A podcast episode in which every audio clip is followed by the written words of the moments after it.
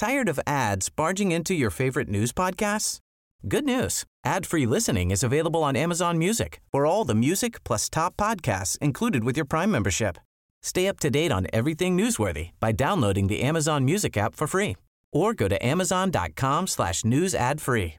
That's amazon.com slash news ad free to catch up on the latest episodes without the ads. If you thought the only way to get a more defined jawline with natural looking results was through surgery, think again. Juvederm Volux XC is a non surgical injectable gel filler that improves moderate to severe loss of jawline definition and can help you achieve natural looking results with little downtime. Even better, this improved definition lasts up to one year with optimal treatment. No maintenance required. Improve jawline definition for a smooth, sculpted look with Juvederm Volux XC. For important safety information and to find a licensed specialist, visit juvederm.com. That's J U V E D E R M.com. Not for people with severe allergic reactions, allergies to lidocaine, or the proteins used in Juvederm. Common side effects include injection site redness, swelling, pain, tenderness, firmness, lumps, bumps, bruising, discoloration, or itching. There's a risk of unintentional injection into a blood vessel, which can cause vision abnormalities, blindness, stroke, temporary scabs, or scarring. Talk to a licensed specialist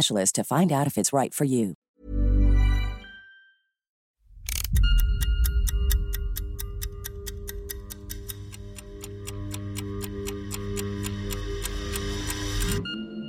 Välkommen till det här specialavsnittet av Ödestimmen. Jag heter Erik Roll och hela vår första säsong är nu släppt. Vi är överväldigade av alla lyssnare och all respons som vi fått.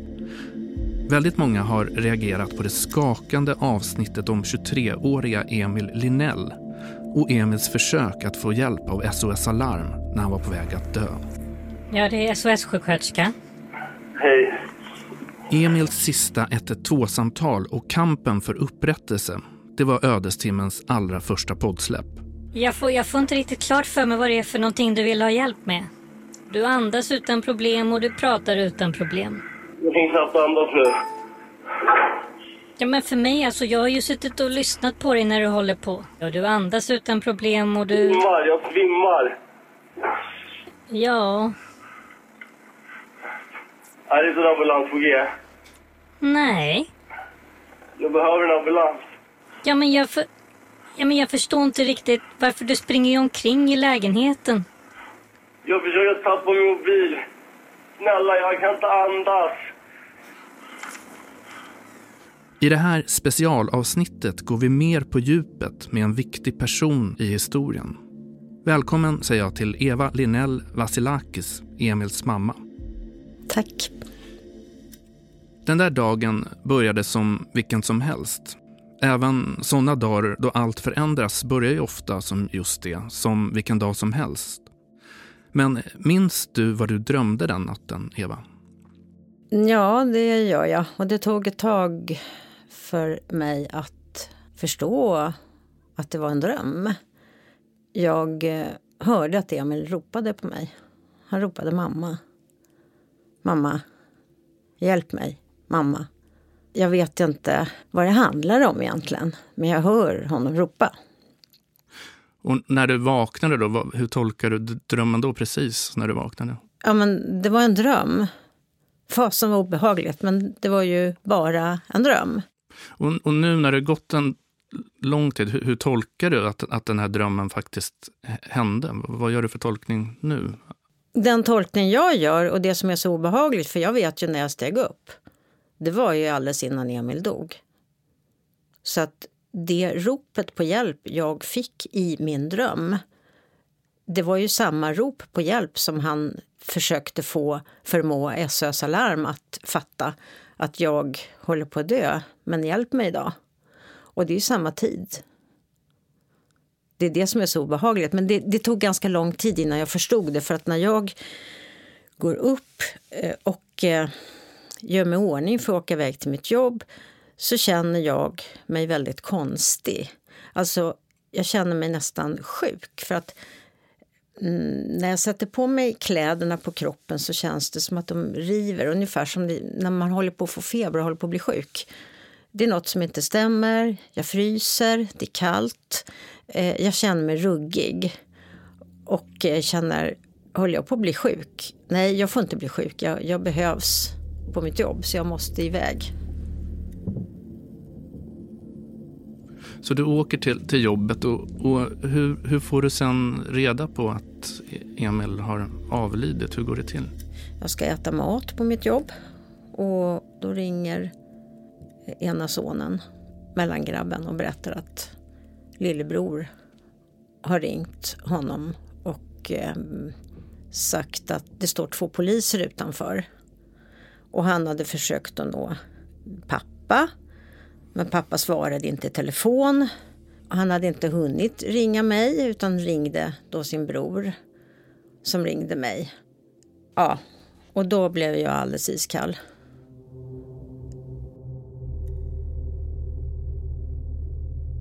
Kliver in i min hall och då har min man också hunnit komma hem. Eh, precis.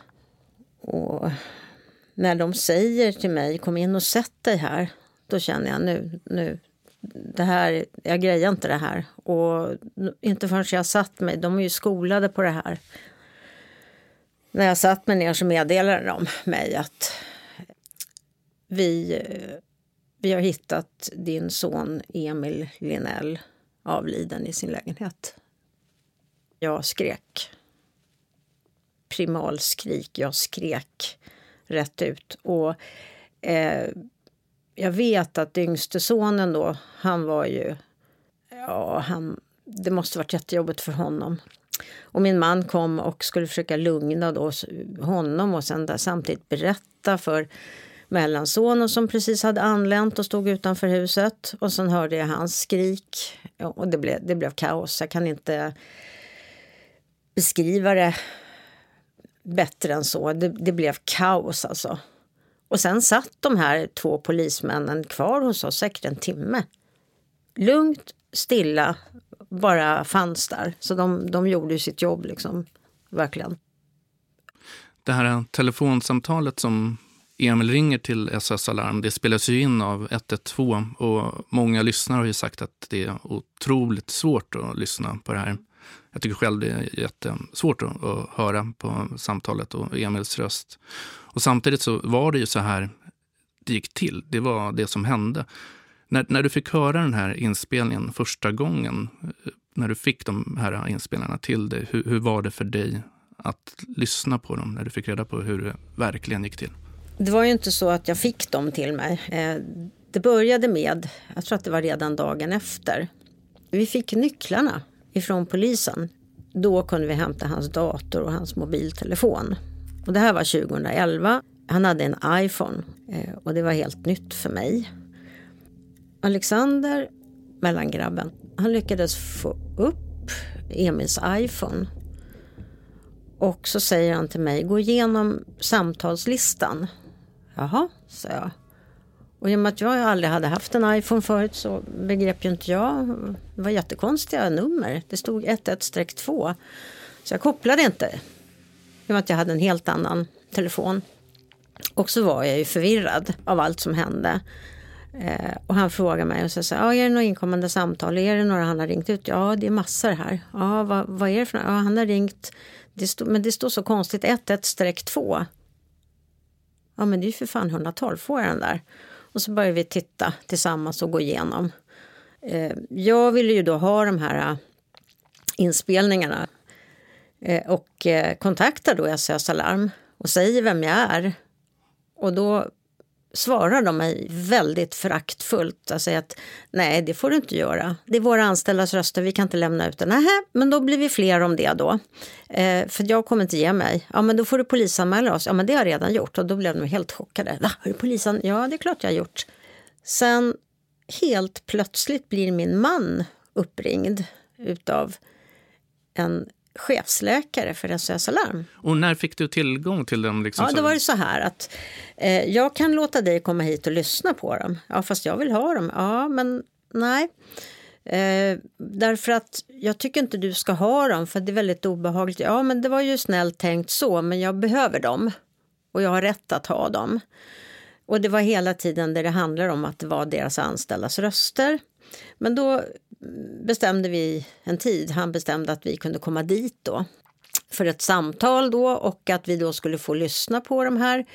Men att jag då behövde ha en eh, eh, psykolog med mig. Om jag inte hade någon psykolog skulle han fixa en psykolog. Jag menar, jag hade en psykolog som jag hade pratat med några gånger.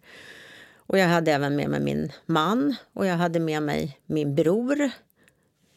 Och eh, sen var jag ju förberedd så att jag tar med mig två mobiler. En mobil, som min vanliga mobil liksom. Och en eh, äldre som jag skulle ha bara på inspelningsfunktion. Då. Och min bror som är väldigt noggrann, han sa ju det att jag tycker kanske att vi kan få spela in det här, är det okej? Okay? Nej, det är inte okej okay, för det är våra anställdas röster på. Eh, och då får vi inte det. Hörde du också, Eva? Ja, jag hörde det, fast jag hade redan klickat igång min och lagt ett papper över. Så att jag startade den och det spelas in och så jag fick ju, jag fick ju med allt det här.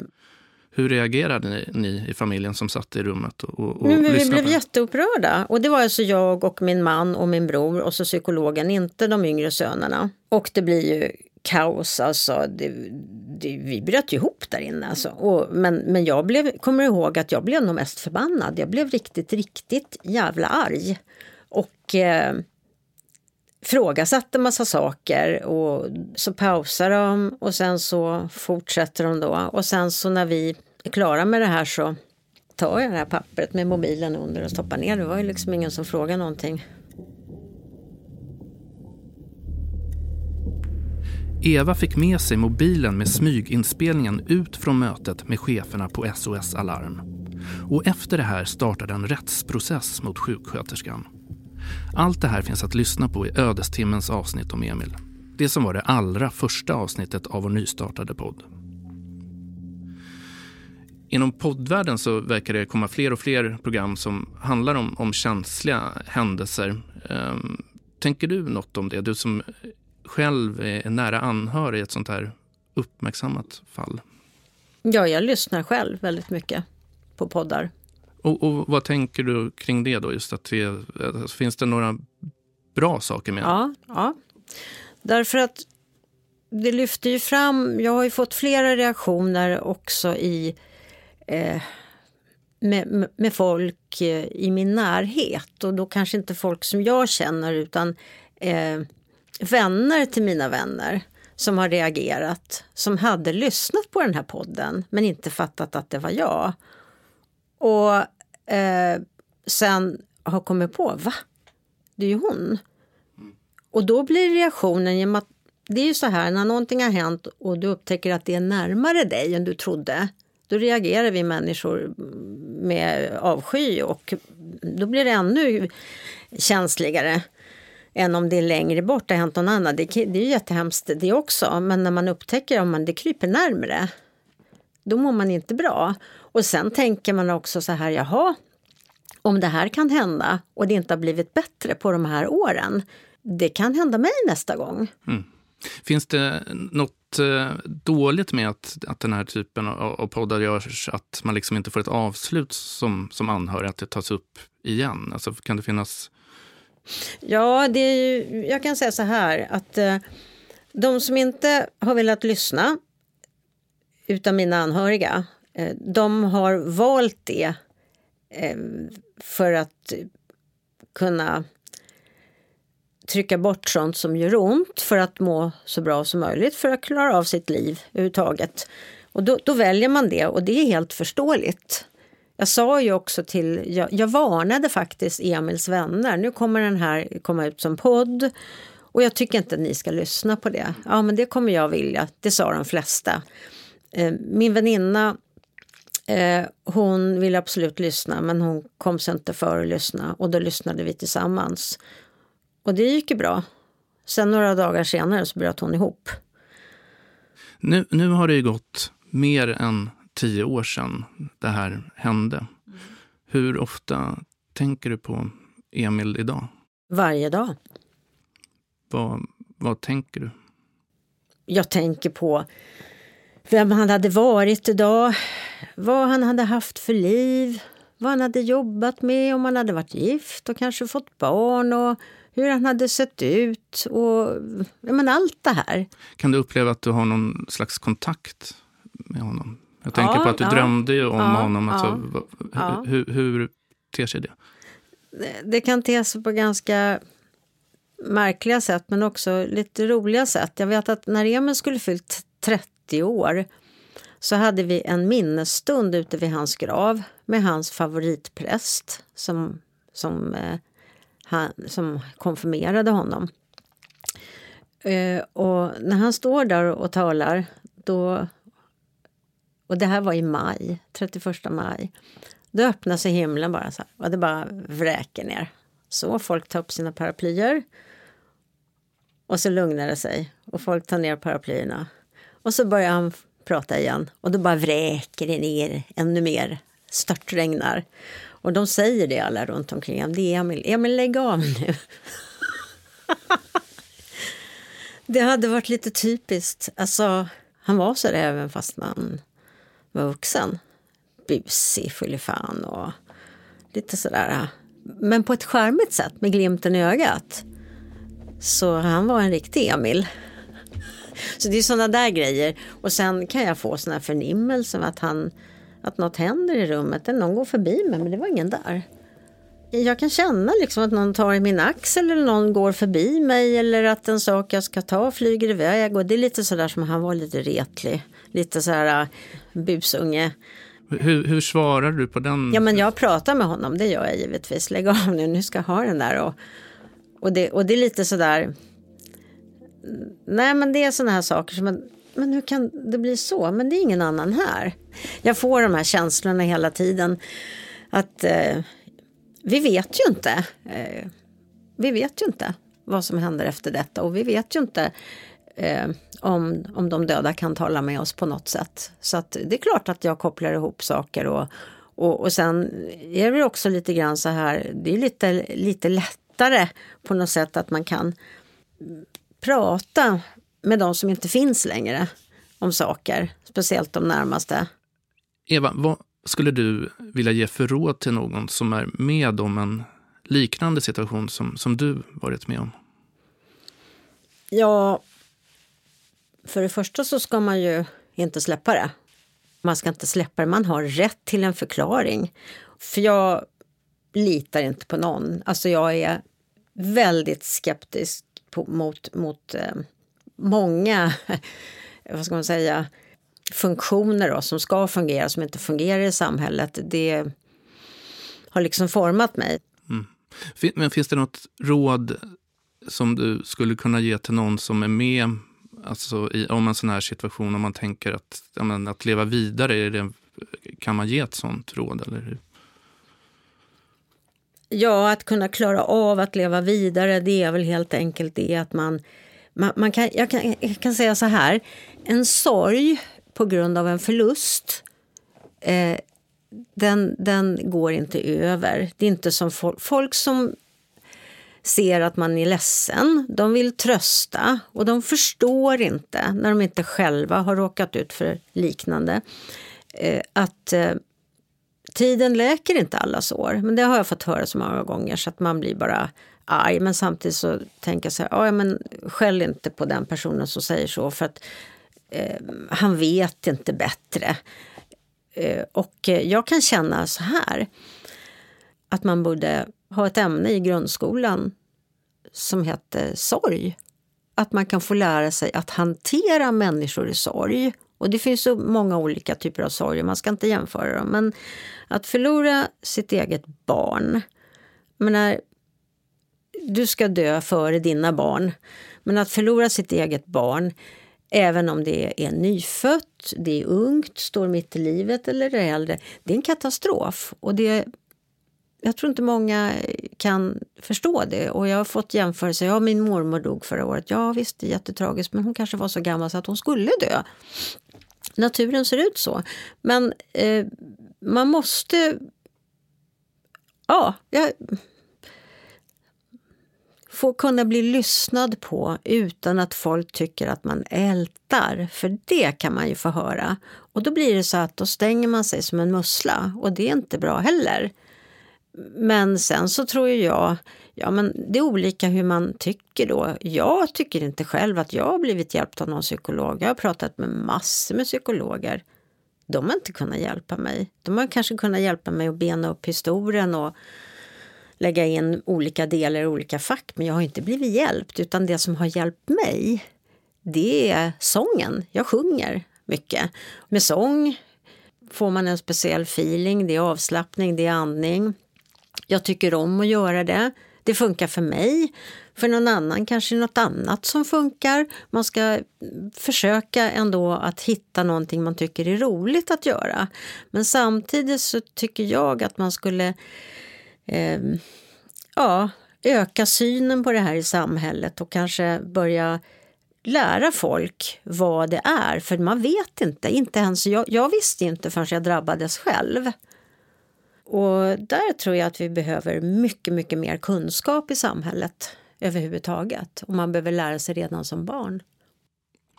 Tack Eva för att du var med i Ödestimmen. Tack. Och till dig som lyssnar. Följ Ödestimmen på Instagram och Facebook för att få veta direkt när nya avsnitt kommer. Och prenumerera på poddflödet förstås om du inte redan gör det. Tack för att du lyssnar på Ödestimmen.